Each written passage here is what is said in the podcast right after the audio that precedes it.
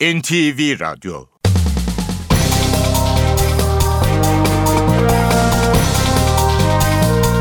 İşe Giderken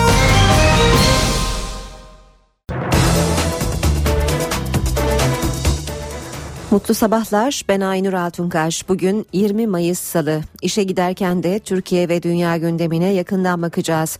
7.35'te Ayhan Aktaş spor haberlerini aktaracak. 8.35'te de Emrah Kayalıoğlu işe giderken sporda bizimle olacak. Gündemin başlıklarıyla başlayalım. Manisa Soma'daki maden faciası ile ilgili soruşturmada Soma Kömür İşletmeleri Yönetim Kurulu Başkanı Can Gürkan'ın da aralarında olduğu 8 kişi tutuklandı. Can Gürkan savcılıktaki ifadesinde şirketin yetki ve sorumluluklarının genel müdürde olduğunu öne sürdü. A milli takım oyuncuları Teknik Direktör Fatih Terim ve Futbol Federasyonu Başkanı Yıldırım Demirören'le Genelkurmay Başkanı Orgeneral Necdet Özel dün Soma'daydı. Başbakanlıkta sürpriz bir güvenlik zirvesi yapıldı. Başbakan Erdoğan 7 bakan ve MİT müsteşarlarıyla çözüm sürecini değerlendirdi. MHP Genel Başkanı Devlet Bahçeli Cumhurbaşkanı adayı belirleme görüşmelerine bugün 10. Cumhurbaşkanı Ahmet Necdet Sezer'le devam edecek.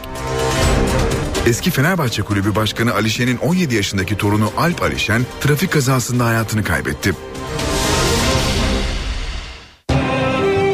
İşe Giderken gazetelerin gündemi.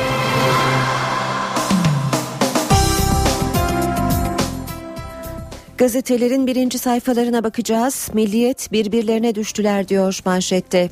Tek yetkili gösterilen genel müdür o imza sahte dedi. Mühendis ısı artışını bildirdim diye ifade verdi. Diğer sorumlular da birbirini suçladı.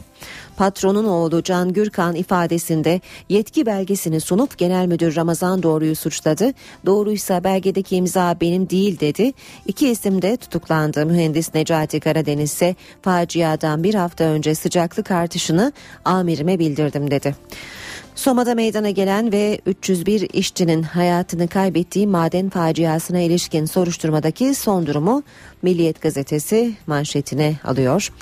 Şöyle devam ediyor haber savcılar sanıklara gaz yükselmesine karşı neden önlem almadınız sorusunu yöneltti. Tutuklanan işletme müdürü Çelik olay günü U3 bölgesinden duman çıktığı söylendi. Çocuğum rahatsızdı madene bir saat sonra gittim kömür kızışması doğaldır diye konuştu.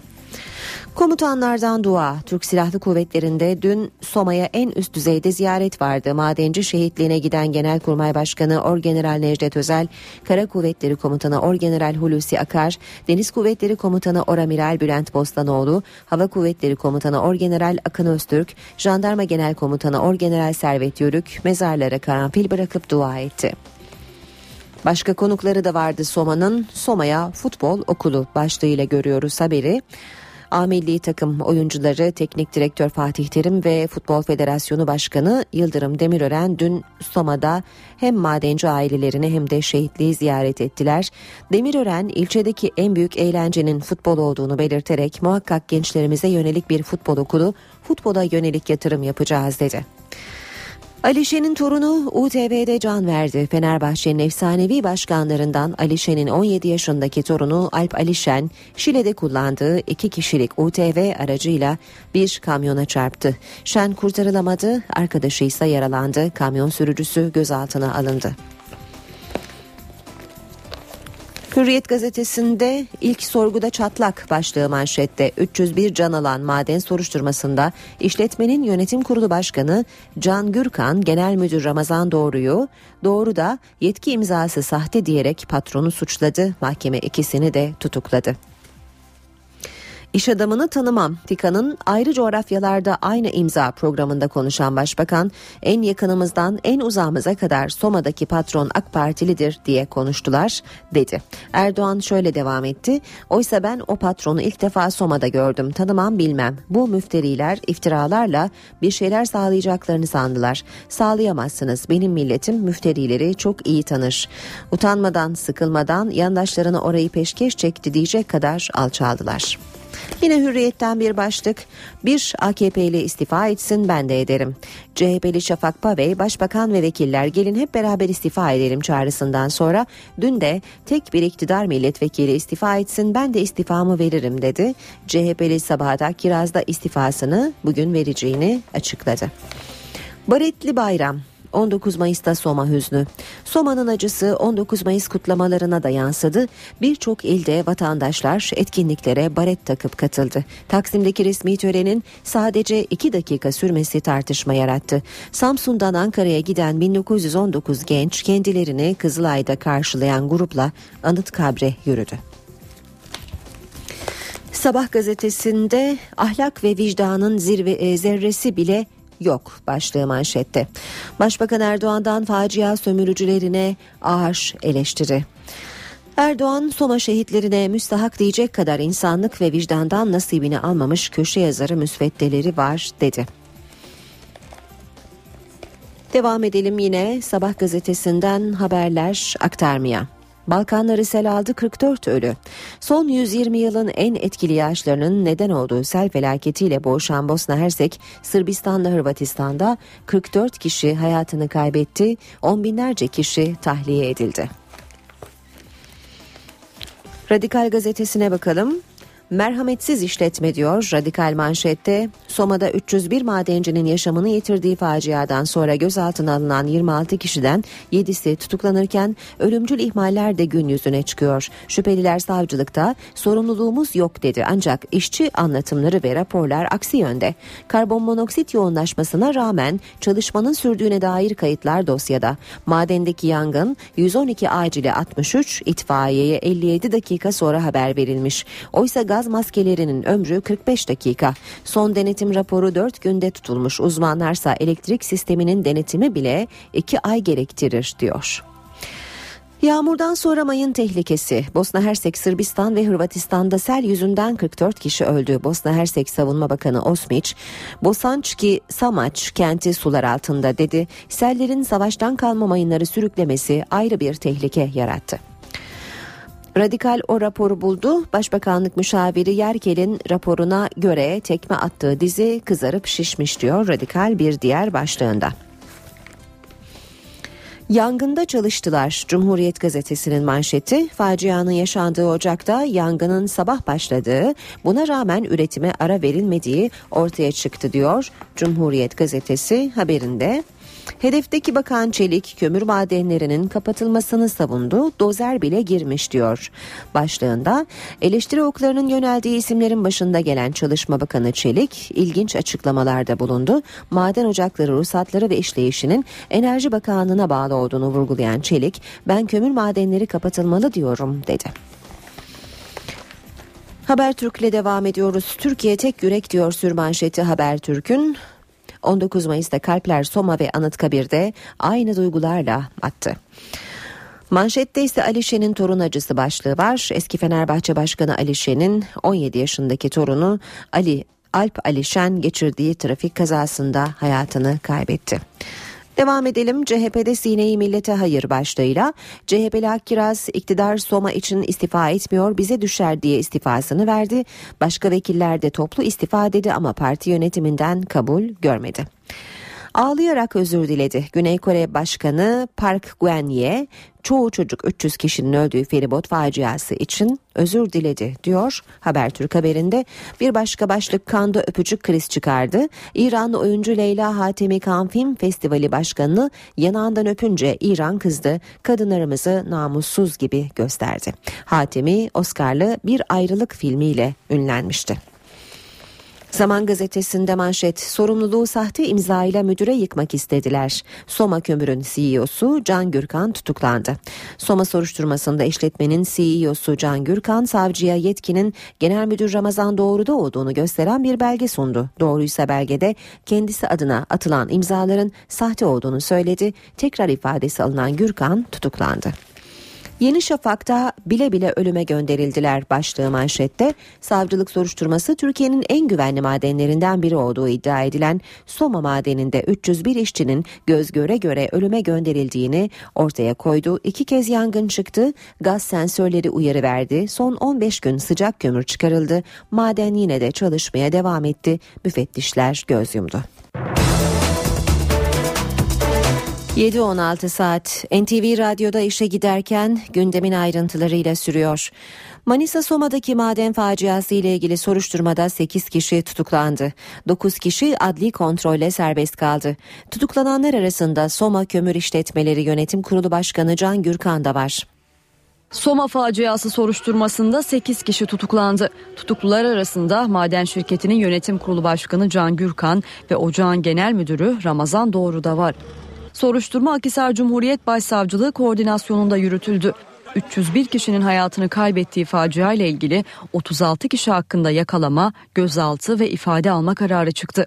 Mahkemeye sevk edilen Somalinyit Anonim Şirketi Yönetim Kurulu Başkanı Can Gürkan adliyeye girerken gazetecilerin sorularını yanıtlamadı, zamanı gelince konuşacağız dedi. 8 kişi tutuklandı, 9 kişi adli kontrol uygulamasıyla serbest kaldı.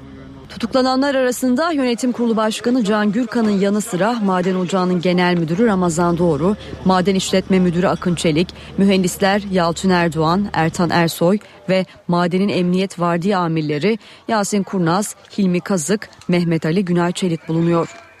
8 kişi mahkemede, 11 kişi mahkemeye sevk edilmeden savcılıkta serbest kaldı. Şüpheli olarak gösterilen 3 kişinin facia sırasında hayatını kaybettiği belirlendi. Gerekçede gaz artışının takip edilmediği ve işlemi yapması gerekenlerin denetlenmediği belirtildi. Zanlılar taksirle birden fazla insanın ölümüne sebebiyet vermekle suçlanıyor. Maden faciası soruşturmasında tutuklanan Yönetim Kurulu Başkanı Can Gürkan, savcıya verdiği ifadede şirketin yetki ve sorumluluklarının Genel Müdür Ramazan Doğru'da olduğunu öne sürdü. Ancak Doğru iddiaları yalanladı. Yönetim Kurulu Başkanı sorumluluk genel müdürde dedi. Genel müdür yetki belgelerinde kendisine ait olduğu iddia edilen imzanın sahte olduğunu söyledi. Manisa Soma'daki maden faciasında kömür işletmesi genel müdürü Ramazan Doğru'nun ifadesi soruşturmaya yeni bir boyut kazandırdı. Yönetim Kurulu Başkanı Can Gürkan'ın maden yetkilerinin genel müdürde olduğunu söylemesi üzerine gözaltına alınan ve tutuklanan Ramazan Doğru iddiaları yalanladı. Madenimizde elin bir kaza yaşadık. Doğru, işletmenin sorumluluk ve yetkilerinin devriyle ilgili belgelerdeki imzaların kendisine ait olmadığını öne sürdü. Maden sorumluları ise ifadelerinde gaz ölçümü konusunda sorumluluk kabul etmediklerini söyledi. Vardiya amiri Halil Sarı'nın madende karbon monoksit seviyesinin birçok kez beklenenden yüksek çıktığını söylediği öğrenildi.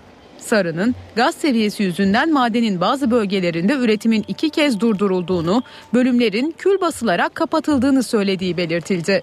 Vardiya amirinin madende daha önce elektrik kesintilerinin olduğunu söylediği de öğrenildi. 250 tane nezaretçi, Tutuklanan işletme müdürü Akın Çelik'in ise ifadesinde çalıştığı süre boyunca madende anormal bir durumla karşılaşmadığını söylediği belirtildi. Zanlıların gaz artışını takip etmediği ve işlemi yapması gerekenlerin denetlenmediği gerekçesiyle tutuklandığı öğrenildi. Genelkurmay Başkanı Orgeneral Necdet Özel dün Soma'ya giderek taziye ziyaretinde bulundu. Maden şehitliğine karanfil bırakan Orgeneral Özel ailelerle de bir araya geldi. Mezarları tek tek gezerek karanfil bıraktı. Hayatını kaybeden madencinin annesini teselli etti. Genelkurmay Başkanı Orgeneral Necdet Özel, maden faciasının yaşandığı Soma'daydı. Özel ilk olarak 43 işçinin toprağa verildiği mezarlığı ziyaret etti. Mezarlara kırmızı karanfil bırakan Necdet Özel, okunan Kur'an-ı Kerim'i dinledi, dua etti. Özel daha sonra madenci yakınları ve yardım faaliyetlerinde bulunan bazı derneklerin gönüllüleriyle bir süre sohbet etti. Orgeneral Özel, madenden kurtulan ancak arkadaşları için tekrar madene girerek hayatını kaybeden Tayyip Şenlik'in evine taziyeye gitti. Baba Hasan Şenlik'le görüşen Özel, ailenin acısını paylaştı. Özel daha sonra faciadan kurtulan Naik Kılıç'ın evine gitti. Genelkurmay Başkanı'nın Soma'daki son durağı ise kaymakamlık oldu. Orgeneral Özel daha sonra Kırkağaç'ta dördüncü günün sonunda madenden cenazesi çıkartılan Mustafa Kocabaş'ın ailesini ziyaret etti. Özel ziyaretleri sırasında hayatını kaybedenlerin çocuklarına oyuncak hediye etti. Soma'nın başka konukları da vardı. A milli takım oyuncuları, teknik direktör Fatih Terim ve Futbol Federasyonu Başkanı Yıldırım Demirören de dün Soma'daydı. 36 kişilik kafile önce maden şehitlerini ziyaret etti, ardından ailelerle bir araya geldi. Gözyaşlarını tutamayanlar oldu. Teknik direktör Fatih Terim bu kez ateş düştüğü yeri değil, düşmediği yeri de yaktı dedi. A milli futbol takımı Soma'yı ziyaret etti. Futbolcular ve yöneticiler eşini günlerce madenin önünde bekleyen Sema Korkmaz'la bir araya geldi. Fatih Terim ve futbolcular Sema Korkmaz'ın 9 yaşındaki oğlu Berkay'la özel olarak ilgilendi. Futbolcular 19 yaşında hayatını kaybeden İsa Çalış'ın evine de gitti. Anne Ferihan Çalış, oğlum sevdiklerin geldi diyerek onlara sarıldı. Federasyon Başkanı Yıldırım Demirören'in eşlik ettiği A milli futbol takımının ilk durağı madencilerin toprağa verildiği mezarlıktı. Futbolcuların üzüntüsü konuşmalarına da yansıdı. Gökhan Gönül gözyaşlarını tutamadı. Biz de acılarını paylaşıp biraz olsun başkanın da dediği gibi dindirmeye çalıştık. Hocam siz buyurun. Ben devam edeyim. Oyuncularımız gel. Bu sefer ateş düştüğü yeri değil, düşmediği yeri de yaktı. Bence herkes bundan çok etkilendi, herkes yandı. Buraya gelince onu daha çok hissediyorsunuz. 35 kişilik kafile madenciler için Soma Merkez Camii'nde okutulan mevlide katıldı. Futbol Federasyonu cami önünde 3000 kişilik yemek dağıttı. Yemeğe futbolcular da eşlik etti. Trabzonspor Kulübü Başkanı İbrahim Hacı Osmanoğlu ile futbolcular da Soma'daydı. Maden şehitliğini ziyaret eden kafile Trabzon'dan getirilen toprağı mezarların üzerine serpti, karanfil bıraktı, dualar edildi. Trabzonspor kafilesi daha sonra taziye çadırına ve şehit ailelerinin evlerine taziye ziyaretinde bulundu. Başbakan Tayyip Erdoğan Soma madeninin sahibini iktidarla ilişkilendiren iddialara sert tepki gösterdi. Kendisini tanımam bilmem o gün ilk kez gördüm dedi. Millet olarak gerçekten çok büyük bir hüznü, tarifi mümkün olmayan bir acıyı yaşıyoruz. Başbakan Recep Tayyip Erdoğan, maden faciasının yaşandığı Soma ziyareti sonrası ilk kez konuştu. Başbakan, maden ocağının sahibiyle tanıştığı iddialarını da yalanladı. Dediler ki bu patron AK Partilidir. İlk defa o gün orada gördüm. O güne kadar kendisiyle hiç görüşmüş değilim. Tanımam, bilmem. Başbakan Erdoğan, TİKA tarafından düzenlenen törende konuştu. Hükümete yönelik eleştirilere sert sözlerle yanıt verdi. Somali'yi bırak, Soma'ya bak tarzında insaf ve vicdan dışı ifadeler dile getirildi. Yüreklerimiz hala kanarken bu eleştiriler üzerinde durmayacağım. Biz Allah'ın izniyle milletimizin desteğiyle Soma'ya da ulaştık ve oradaki yaraları bir an önce sardık, sarıyoruz, saracağız. Başbakan Soma'ya gönderilecek yardımlar konusunda tek yetkilinin AFAD olduğuna dikkat çekti. Çünkü bunun istismarını yapanlar olur. Şu dernek, bu dernek filan. Bunların hepsi istismardır. AFAD sadece bu iş için hesap açmıştır değerli kardeşlerim. Kimse bu oyuna gelmesin. Başbakan daha sonra 19 Mayıs nedeniyle 81 ilden Ankara'ya gelen gençlerle bir araya geldi. İnsani bir trajedi üzerinden bile kamplaşma, kutuplaşma üretebiliyorlar.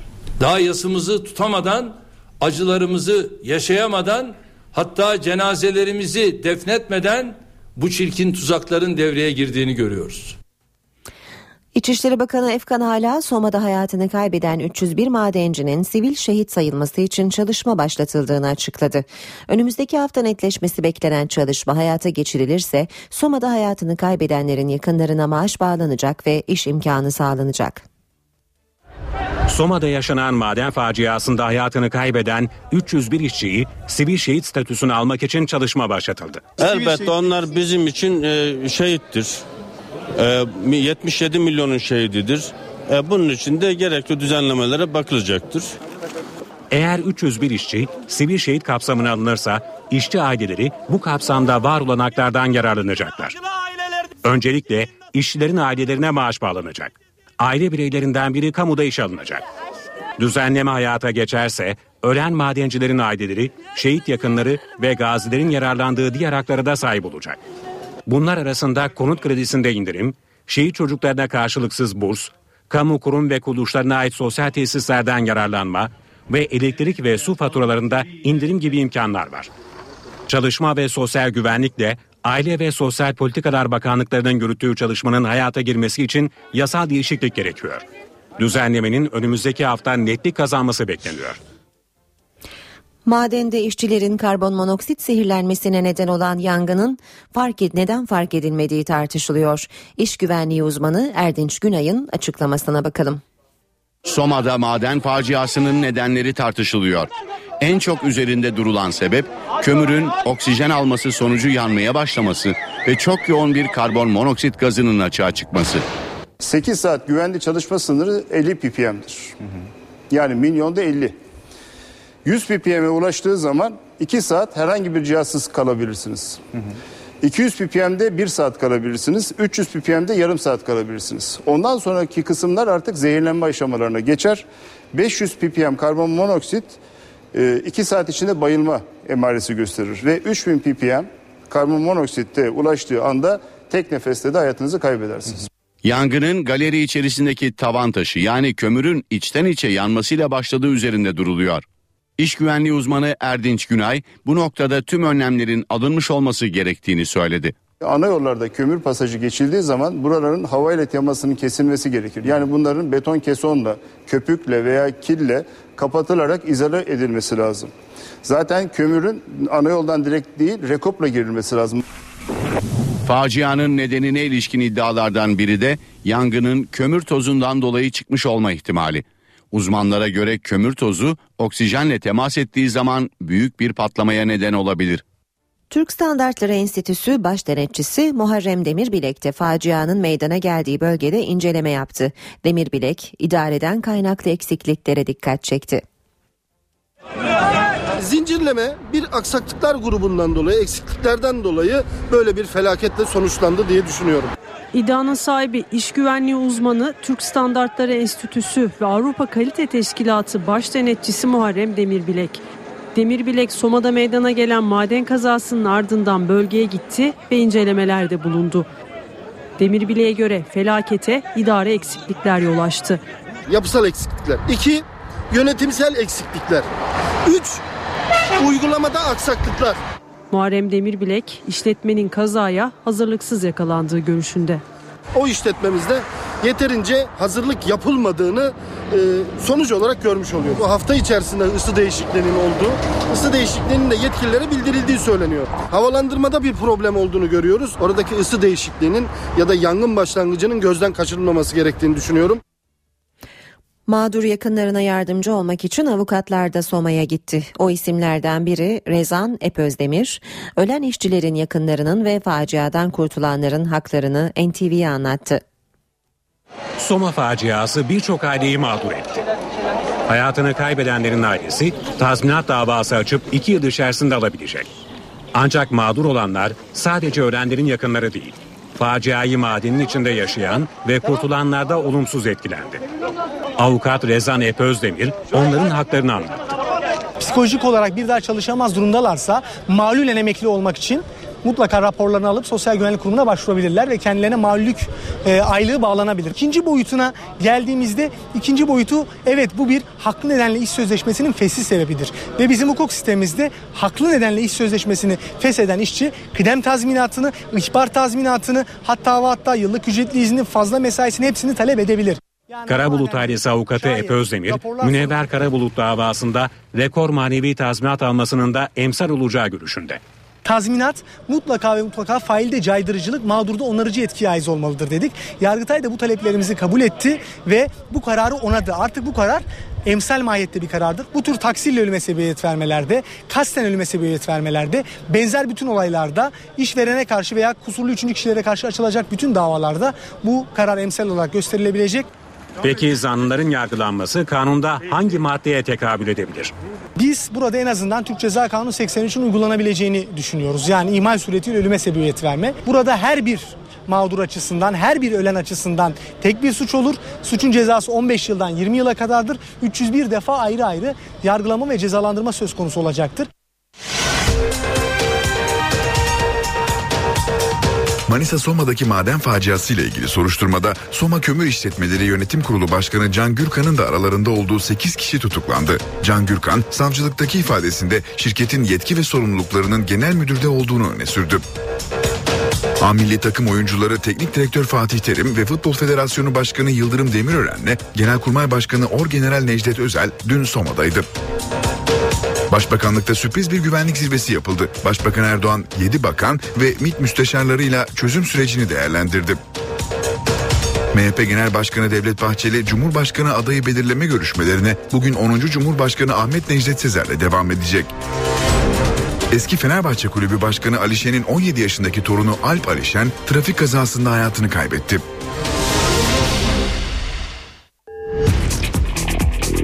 Spor haberleri başlıyor.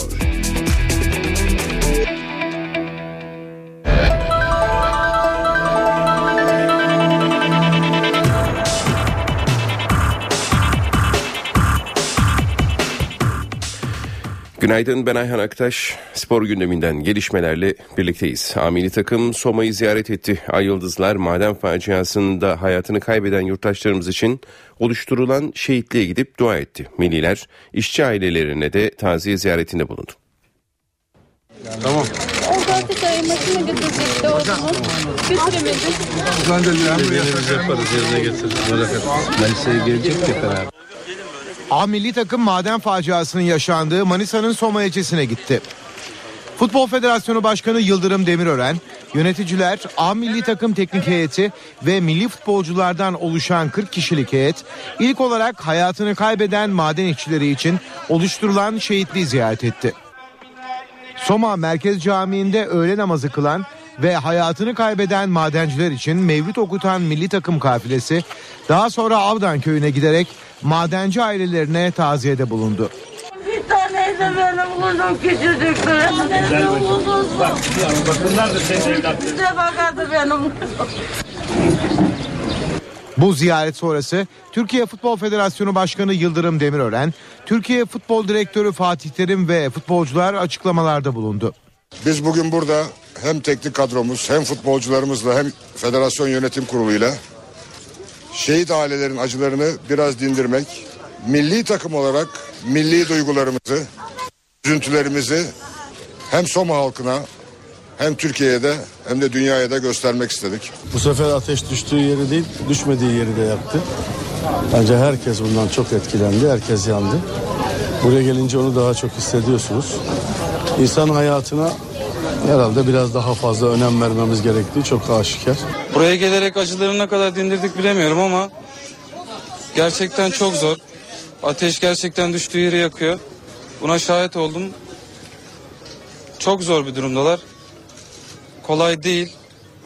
Aile bireylerini kaybettiler. Biz de acılarını paylaşıp biraz olsun başkanın da dediği gibi dindirmeye çalıştık. Buraya gelerek her ne kadar acılarını dindirdiğimizi bilmiyoruz ama elimizden gelen bu inşallah daha farklı şeylere, daha farklı projelerde de bulunmak isteriz. Ee, bu vesileyle aslında daha önemlisi tüm işçilerimizin artık e, çalışma koşullarında daha iyi hale getirilmesi, denetlenmesi gerekiyor. Keşke böyle olaylar yaşanmaması lazım bunların gündeme gelmesi için ama en azından bundan sonrası için bir şeyleri düzeltmemiz gerekiyor. Biz bugün buraya hep beraber az da olsa acılarını dindirmek için geldik. Ee, onların isteklerini dinlemeye çalıştık. Onların yanında olmaya çalıştık. Acılarına ortak olmaya çalıştık. Biraz da başarabildiysek ne mutlu bize. Açıklamalar sırasında Gökhan Gönül'ün gözlerinin de olduğu görüldü. Kafile ziyaretler sonrası özel uçakla Soma'dan ayrıldı. Milli takımda Avrupa ve Birleşik Amerika turnesi mesaisi başladı. Ay Yıldızlar bugün ilk durağı olan Kosova'ya gidecek gözünden ameliyat olacak Semih Kaya aday kadrodan çıkarıldı. Avrupa ve Amerika Birleşik Devletleri'nde 3 Haziran'a kadar sürecek bir turneye çıkacak A milli takım çalışmalarına başladı.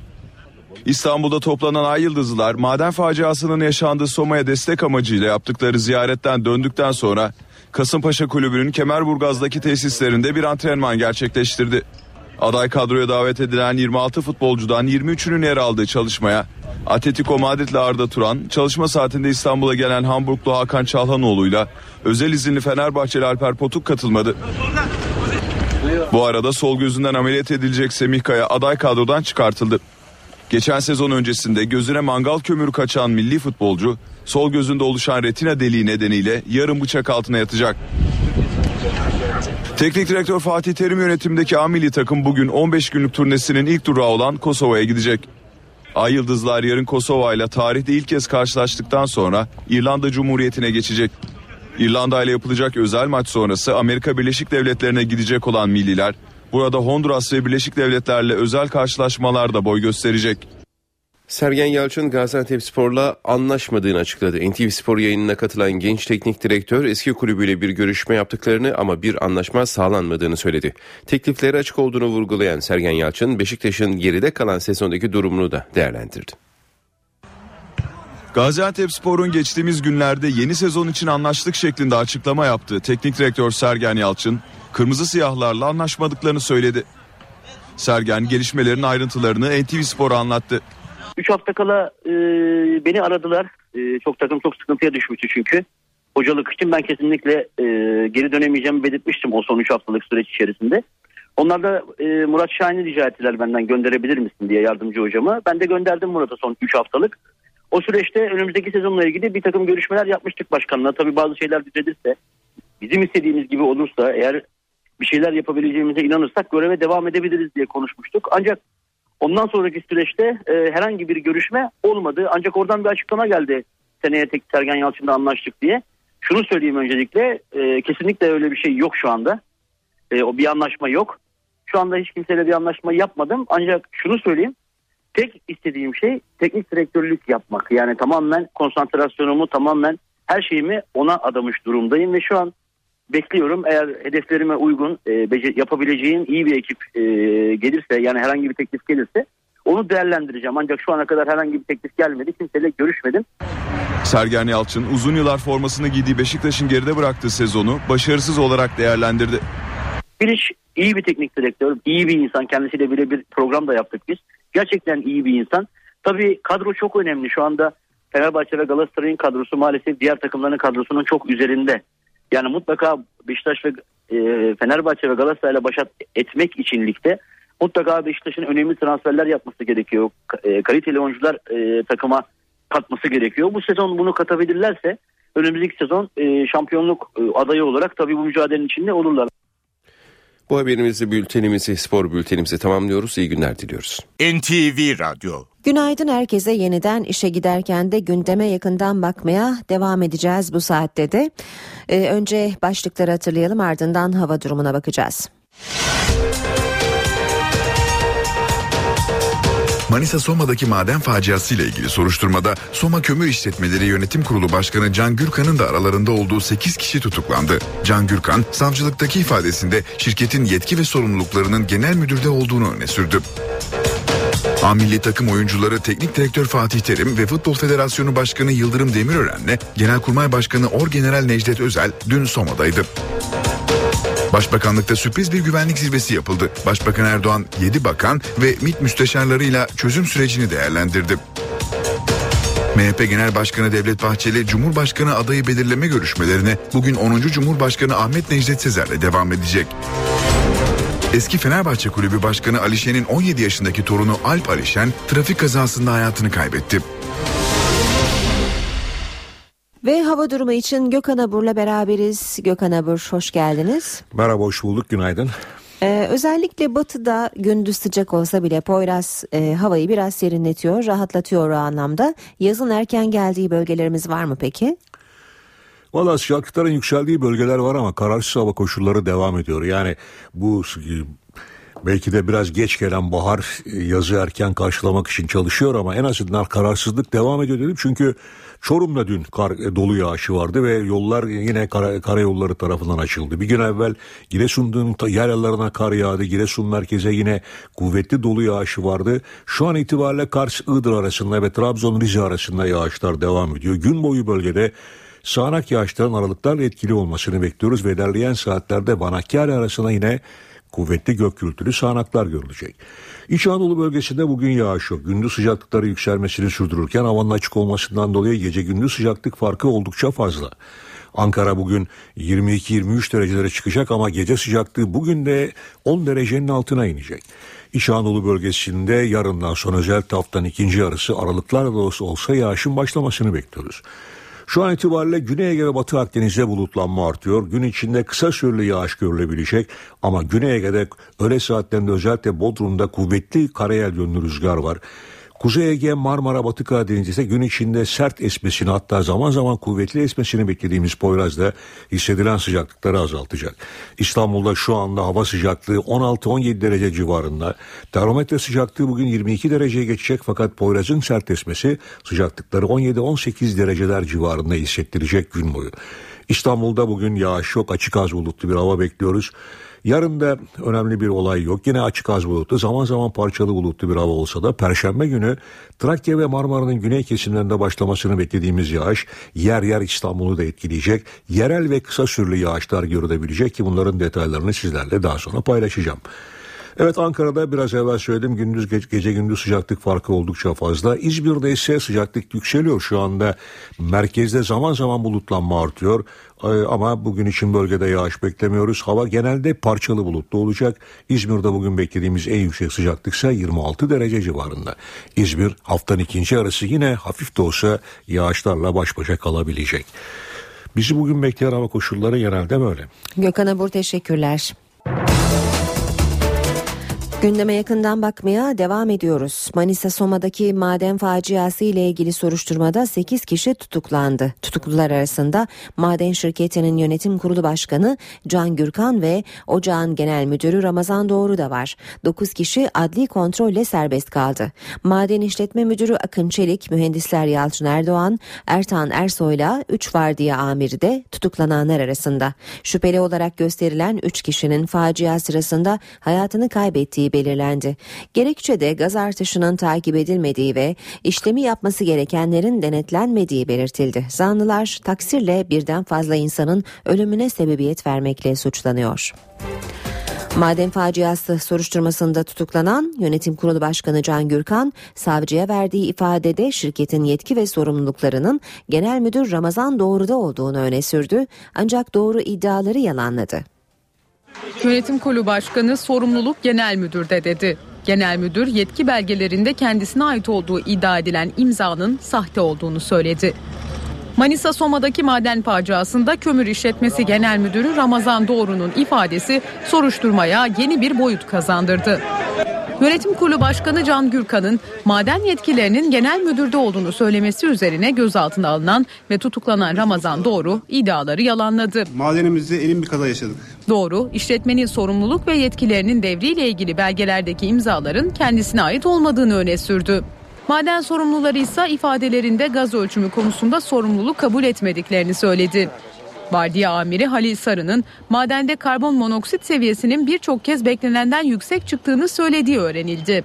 Sarı'nın gaz seviyesi yüzünden madenin bazı bölgelerinde üretimin iki kez durdurulduğunu, bölümlerin kül basılarak kapatıldığını söylediği belirtildi.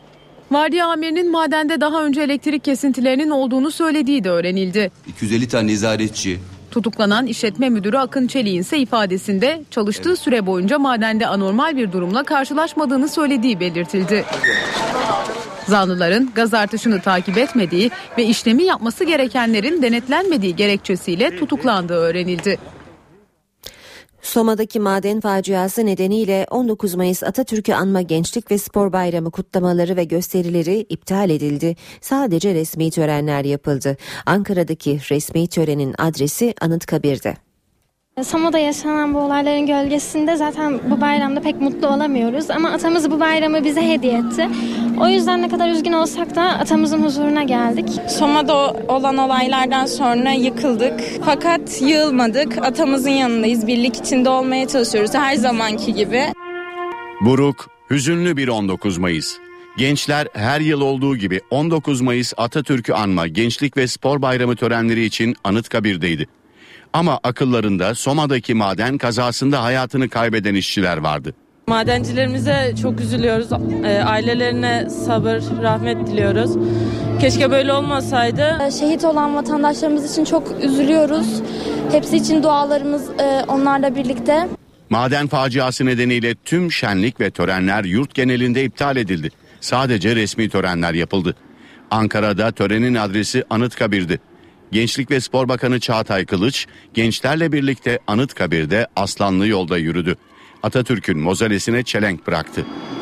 Kılıç'ın Anıtkabir özel defterine yazdıklarında da Soma'daki maden faciası vardı. Soma'da yaşanan ve hepimizi derinden yaralayan maden kazasında kaybettiğimiz 301 canımız her zaman yüreğimizde yad edilecektir. Resmi törenin ardından Anıtkabir gençlerin ziyaretine açıldı. Selanik'ten Atatürk'ün doğduğu evden getirilen toprak Anıtkabir komutanlığına verildi. 19 Mayıs Gençlik ve Spor Bayramı tüm yurtta buruk da olsa kutlandı. Soma'da hayatını kaybeden işçiler anıldı. 19 Mayıs törenleri alışılageldiğin aksine hüzünlüydü. Başsavcım 301 madencinin hayatını kaybettiği Soma'da da tören vardı. Önce İstiklal Marşı okundu. Ardından Atatürk anıtına çelenk bırakıldı. Aynı zamanda faciada hayatını kaybeden işçiler anıldı. Yurdun genelindeki sade törenlerde de Soma'da yaşanan facia anıldı. Eskişehir'de gençler yan yana durarak giydikleri siyah tişörtlerle dualarımız Soma'da şehit abilerimize. Sizleri rahmetle anıyoruz yazısı yazdı.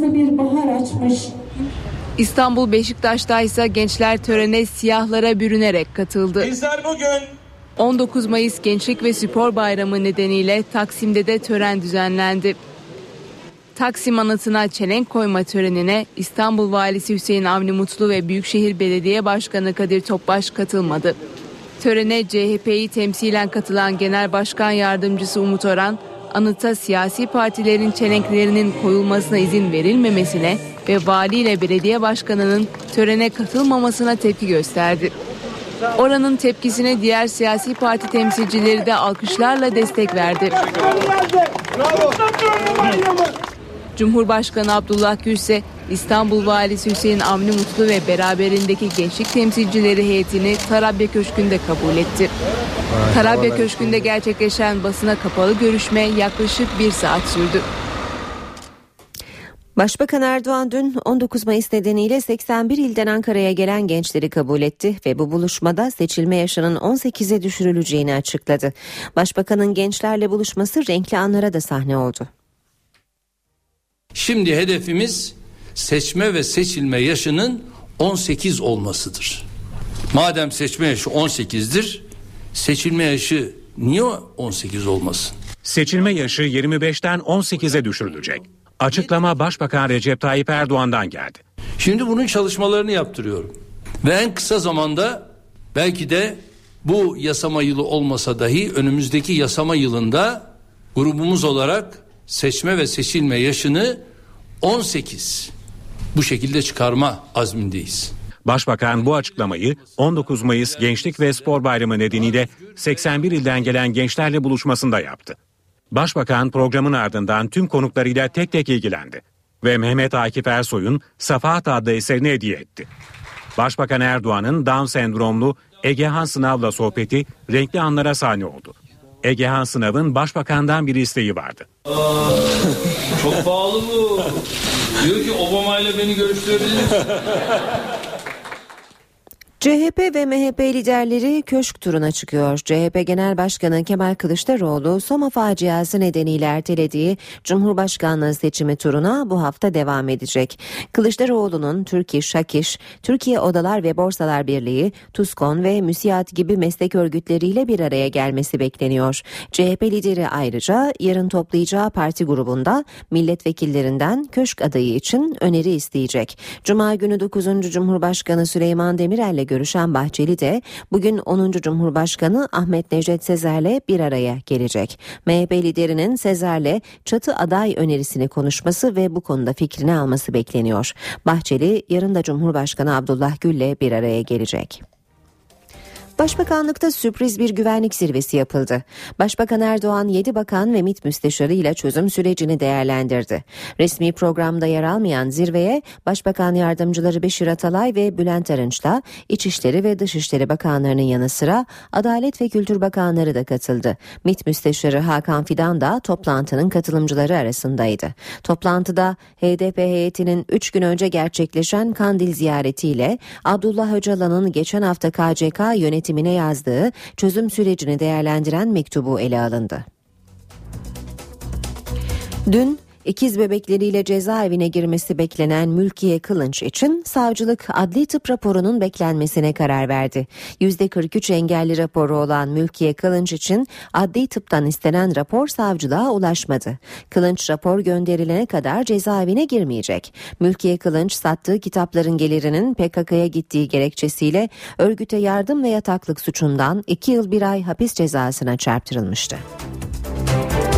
Balyoz davasında 18 yıl hapis cezası alan emekli koramiral Kadir Sadıç annesini kaybetti. Sadıç cenaze törenine özel izinle katıldı. 86 yaşında hayata veda eden annesini ebediyete uğurladı, gözyaşlarına hakim olamadı. Balyoz davası hükümlüsü emekli koramiral Kadir Sadıç vefat eden annesi Anşe Sadıç'ın cenazesine özel izinle katıldı. Sadıç'ı silah arkadaşları yalnız bırakmadı. Deniz Kuvvetleri eski komutanı Oramiral Eşref Uğur Yiğit ve Balyoz davasındaki mahkumiyet kararlarıyla İzmir'deki casusluk davasının ardından emekliliğini isteyip Türk Silahlı Kuvvetleri'nden ayrılan donanma eski komutanı Nusret Güner cenaze törenine katılanlar arasındaydı. Herkesin bu mağdur arkadaşlarımızın yerine kendisini koyarak yetkili makamlarımızın e, yapılacakların e, süratle gerçekleştirilmesi en büyük dileğimiz yetkili makamlarda. Çünkü onlar da artık bunların kumpas olduğunu açıkça ifade ettiler. Pırıl pırıl insanlardır. Karıncayı incitmeyecek insanlardır. Ama maalesef bu duruma düştük. Cumhuriyet Halk Partisi Milletvekili Süleyman Çelebi, Büyükçekmece Belediye Başkanı Hasan Aygün de cenazedeydi. Kadir Sadıç'ın daha önce bir gün özel izin alarak annesini ziyaret ettiği öğrenildi. Sadıç, balyoz davası kapsamında darbeye eksik teşebbüsten 18 yıl ceza almış, cezası Yargıtay tarafından onanmıştı. NTV Radyo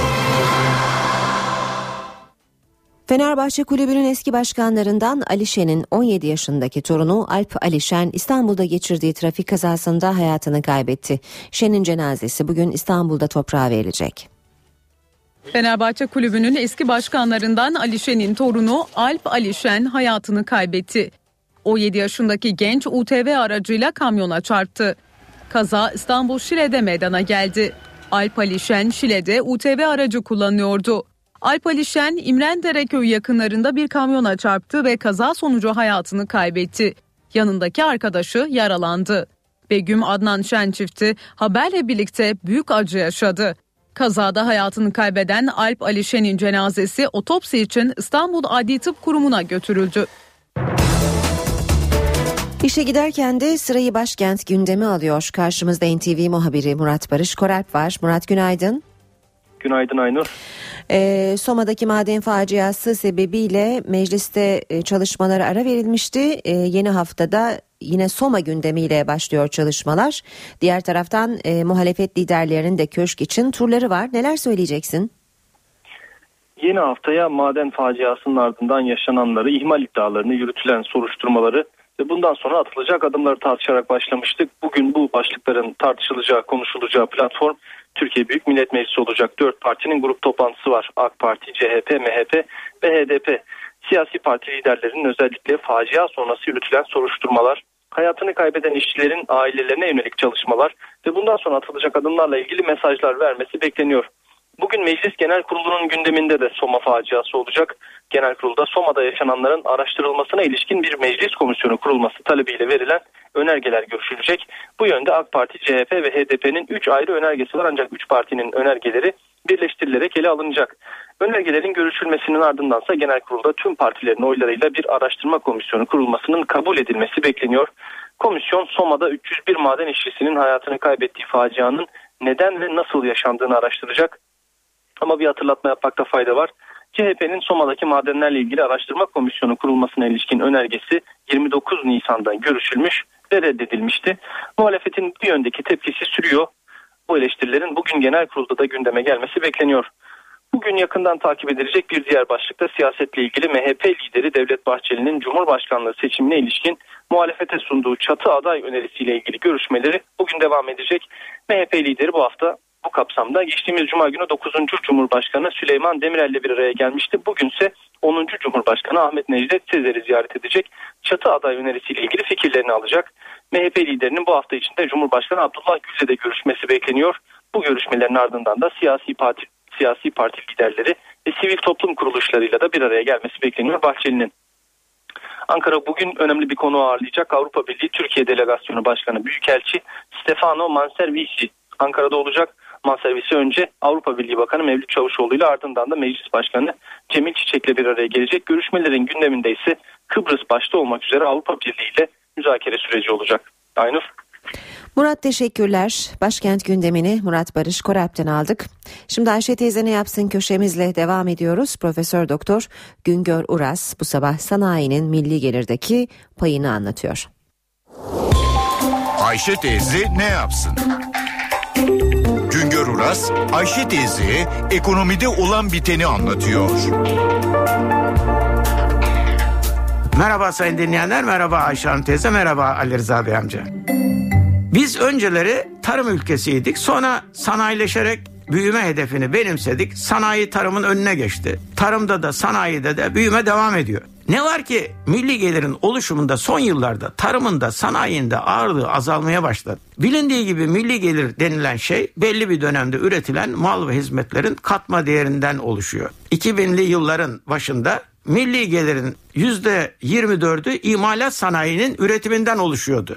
Bu oran son yıllarda yüzde 15'lere geriledi. Demek ki imalat sanayine dayanmayan bir büyüme arayışına girdik. Acaba yıllar geçtikçe büyüme sanayi yerine tarıma mı yöneldi? Ona da bakıyoruz. Hayır o da olmadı. 2000'lerin başında milli gelirde ağırlığı %12 olan tarımın ağırlığı son yıllarda %7'ye gerilemiş durumda. Açık anlatımıyla milli gelir oluşumunda tarım ve sanayi üretiminin ağırlığı azalıyor. Hizmet üretimine dayanın bir büyüme eğilimine girdik. Hizmet üretimi ve tüketime dayalı büyüme sürdürülemez bir büyümedir. Tasarruflarımız yetersiz ama yurt dışından kaynak bularak milli gelirin ortalama %20'si dolayında yatırım yapmayı sürdürüyoruz. Yatırımlar devam ettiğine göre tarım ve sanayinin milli gelire katkısı artacak yerde acaba neden azalıyor? Çünkü yatırım harcaması yapılınca üretim mutlaka artmıyor. Yatırımın ekonomik büyüklükte olması lazım.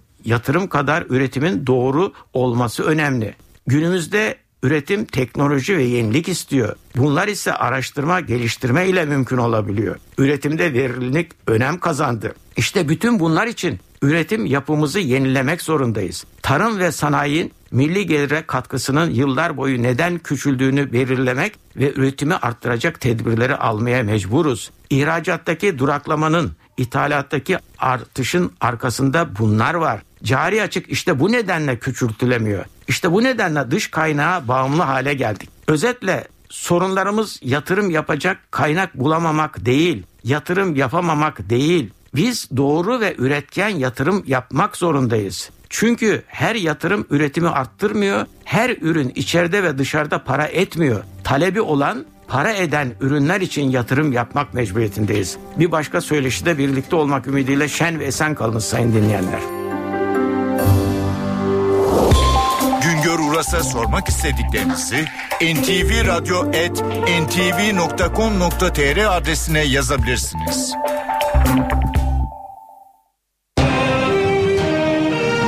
NTV Radyo Piyasalarla devam ediyoruz.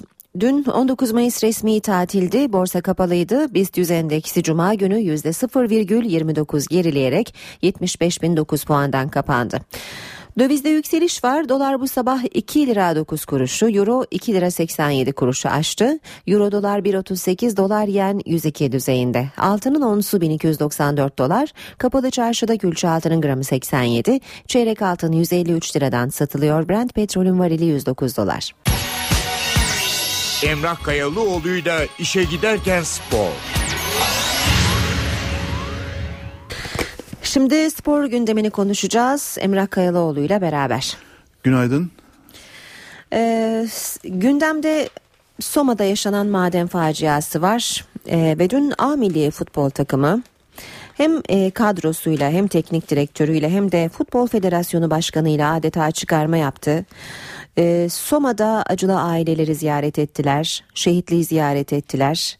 E, duygusal anlar yaşandı, gözyaşlarını tutamayanlar oldu. Fatih Terim konuştu, e, Yıldırım Demirören'in açıklamaları oldu. Bu ziyareti nasıl görmek lazım?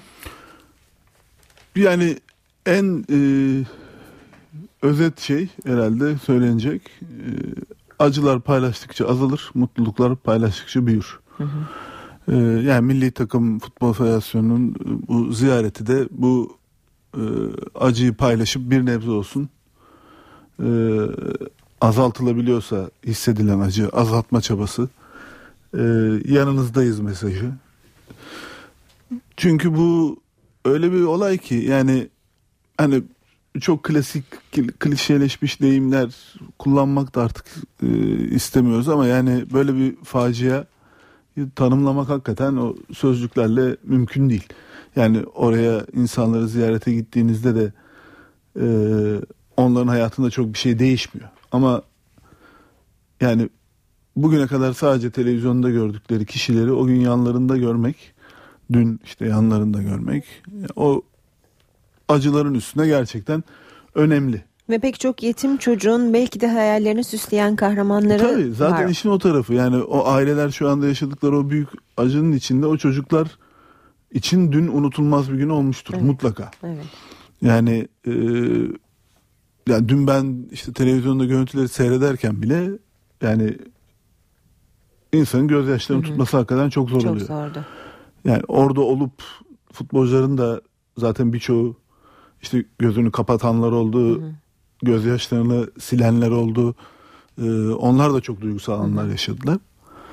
Ee, yani bu ziyaret moral dışında somut olarak bir şey getirir mi Soma'ya?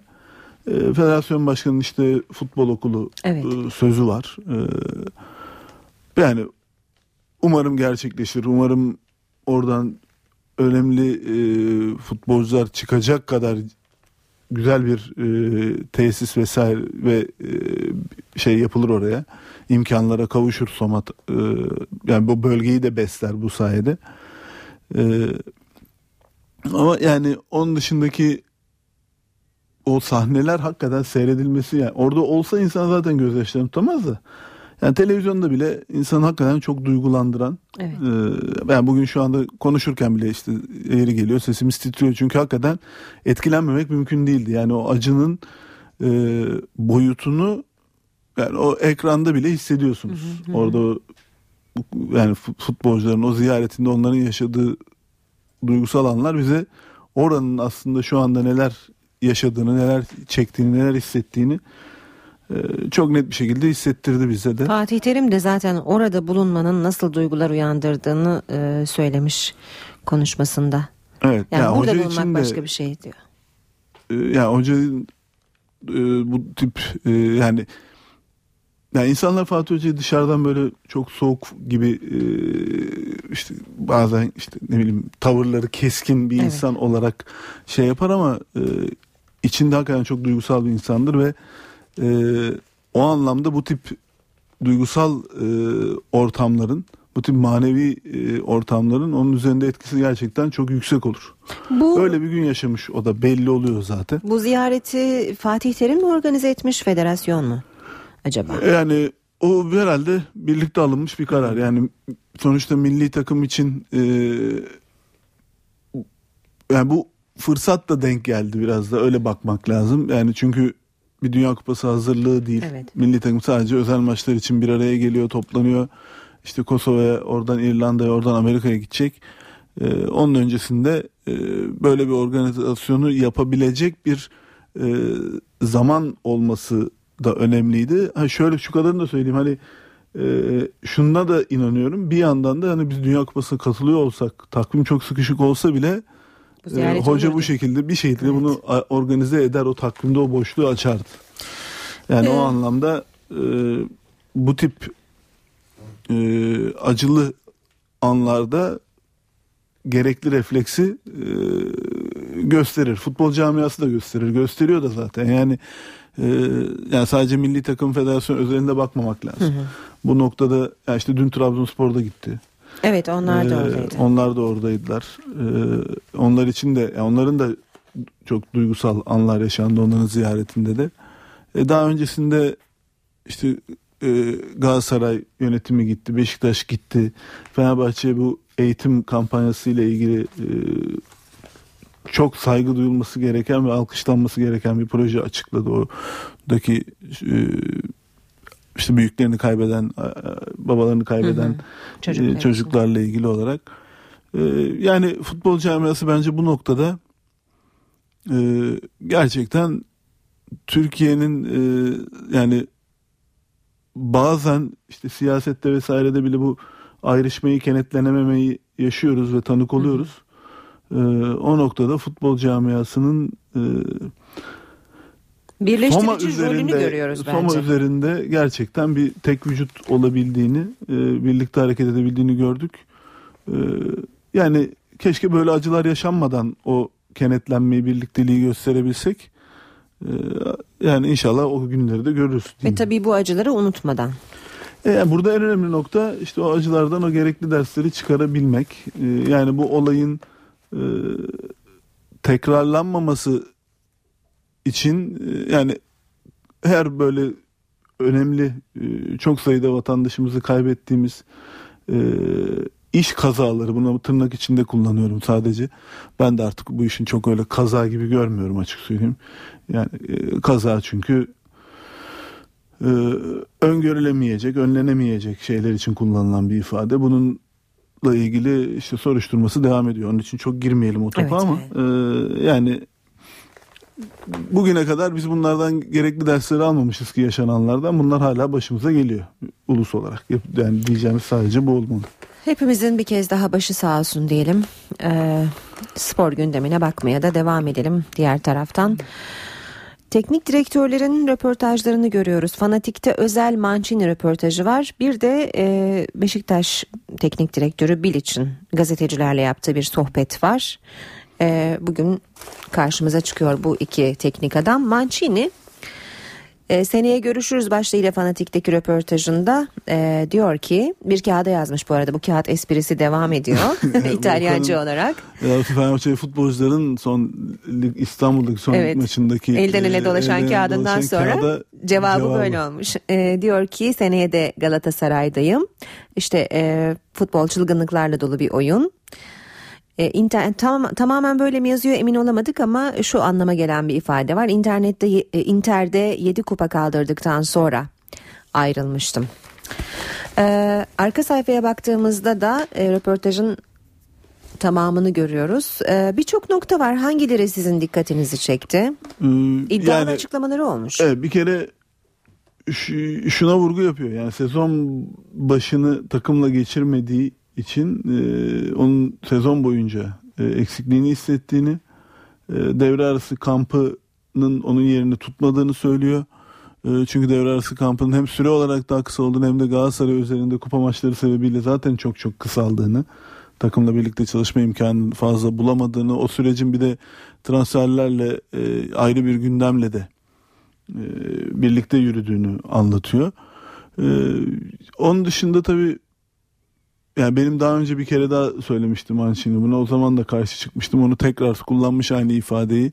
E, dün, Rakamlar. dün bazı İtalyan gazetelerine yaptığı açıklamalarda da var. İşte dokuzuncu e, aldım, ikinci yaptım gibi. E, bu hesabı yaparken ısrarla o ilk yarıda oyun yarıda kalan e, Beşiktaş maçının puanının kendi dönemine ekliyor gibi bir e, garabet çıkıyor ortaya ki yani o konuda bir bence uyarılmasında fayda var. Yani bu e, çok böyle makul mantıklı yani kağıt üzerinde belki 9. gözüküyor takım ama eklenecek bir 3 puanı vardı. Yani onun Türkiye'de çok geç ekleniyor olması bu tip kararların çok geç çıkıyor olması e, o maçın puanının Mancini'ye yazılmasını gerektirmiyor sonuçta. E, yani onun dışında takımla ilgili söylemleri ilginç. Bireysel olarak da girdiği noktalar var. Yani bir kere Drogba'nın durumunu tabii onun üzerine duruyor. Drogba ile ilgili e, yani onun artık e, yani boşluğu nasıl dolar bilemiyorum ifadesi. E, Genç var. oyunculara pek güvenmemiş sanki. Evet biraz orada Snyder'in New York basından nasıl geleceğini de bilemiyoruz diyor. Çünkü sonuçta diğer futbolculara göre e, daha geç takıma katılacak. Hollanda zaten Dünya Kupası'nda muhtemelen önemli bir mesafe kat edecektir. Yani çeyrek finali en az görmesi durumunda. İşte onun üstüne 3 hafta tatil yapma zaten e, yasal hakkı var. E, takıma katılması biraz e, geç bir tarihi bulacak gibi duruyor. Yani Galatasaray sezonu açtıktan birkaç hafta sonra gelir gibi duruyor Snyder. E, yani dolayısıyla yine onunla ilgili bir soru işareti var kafasında. E, devre arası transferleriyle ilgili yani Galatasaray'da çok e, konuşuluyor o konu baştan beri. E, yani özellikle ikinci yarıda çok konuşuldu. E, bu futbolcularla ilgili yani işte Drogba'nın yokluğunda, Snyder'in, Melo'nun, Selçuk'un yokluğunda e, devre arasından gençler dahil yerini dolduramadıklarından yakınıyor ve devre arasında gelen o genç futbolcuların e, Galatasaray'da oynamak için daha uzun bir yola ihtiyaç duyduklarını gerekirse kiralanmaları gerektiğini söylemiş. E, yani maliyetlerini düşündüğümüzde e, yani ilginç gelen bir ifade. Çünkü yani Galatasaray'ın önümüzdeki sezon e, UEFA kriterleriyle ilgili bu devre arasındaki transferler daha hesaplara girmemişti. Gelecek e, takvim yılında dahil olacak. Orada bir problem yaratacak kadar ciddi bir bütçeydi bu. Evet. E, onun dışında başkanın e, bütçeyle ilgili düşüncelerine saygı duyduğunu söylüyor. E, ama ben de bu takım menajeriyim. Ben de bir bütçe isterim diyor. Çünkü bu takım yeterli bulmuyorum diyor Hı hı. futbolcuları takviye isteyeceğinden e, o o söylemişti tehlikeli bir söylemdir. Yani Türkiye'de e, bu tip yani takımım yetersiz bu futbolcularla işte böyle e, şampiyonluk ve şampiyonlar liginde başarı mümkün değil takviye lazım gibi söylemler e, Türkiye'de Türkiye futbol şartları altında biraz tehlikeli söylemlerdir. E, bazen yabancı hocalar bunu takımı motive etmek için de kullanabilirler. Kamçılamak için ama bizde hep geri tepiyor bu tip ifadeler. O anlamda çok doğru bulmadığım bir bölümü röportajda kullandığı ifade olarak. Ee, yani tek tek girmiş, tek tek girmiş bu genç oyunculara biraz uzun. Oradan da okuyabilir e, yani Devam da edecekmiş yarın bu Yarın da devamı da var. O Kağıt tarafına tabii e, güzel bir e, yani onun hala bu şekilde espriyle devam ediyor olması e, güzel. Güldürüyor en azından Yani bizi. böyle e, şey olarak espri düzeyinde kalması, birbirlerine takılmaları takımların e, o işin hoş tarafı. O Şu anlamda- kağıtlar evet kağıtlar ve sürekli maç içinde taktik değişikliklerine de e, çarşamba pazar maçlarına e, bağlamış Mancini onu da söyleyelim. Şimdi süremiz kalmadı aslında Bilic'i de konuşacaktık ama son bir dakika için bir giriş yapıp isterseniz on buçuğa mı bırakalım? Öyle yapalım o zaman. Ee, yani orada basınla yaptığı bir sohbet bütün bütün gazetelere yansımış zaten. Ee, hocanın söylemleri içinde tabii ki yani ön plana çıkanlar e, yani bu üçüncülüğü tatmin edici bulmuyor e, ama başarı saymıyor ama bir yandan da e, bugünün şartlarıyla ilgili olarak e, çok da şey bulmadığını vurgu yapıyor. Evet. E, yani bugünün şartlarında başarısız saymıyor. Hı hı. Yani burada takımın e, aldığı cezalar, kendi aldığı cezalar işte stat problemi, e, ne bileyim e, onun dışında takviye, bütçe, transfer vesaire. E, ama orada transferle ilgili şu kadarını söyleyelim. E, yani geçen senenin çok çok üzerine çıktı Beşiktaş. Evet. Ciddi anlamda transfer e, ekonomik yük anlamında yapıldı. Ki yapılmaya da devam edecek gibi duruyor bu sezon içinde. İddialı isimleri Fikret Orman'ın ağzından da duymuştuk. Evet e, yani daha detaylı gireriz şeyde. Evet. E, On buçukta Bilic'in söylemlerine. Tabi orada Diego Ribas'la ilgili ifadesi ilginç. Yani- Ona da on buçukta değinelim isterseniz. Sürpriz olsun bilmeyenler Tamam için. peki. Peki bitirdik. On buçukta görüşmek üzere. Hoşçakalın. NTV Radyo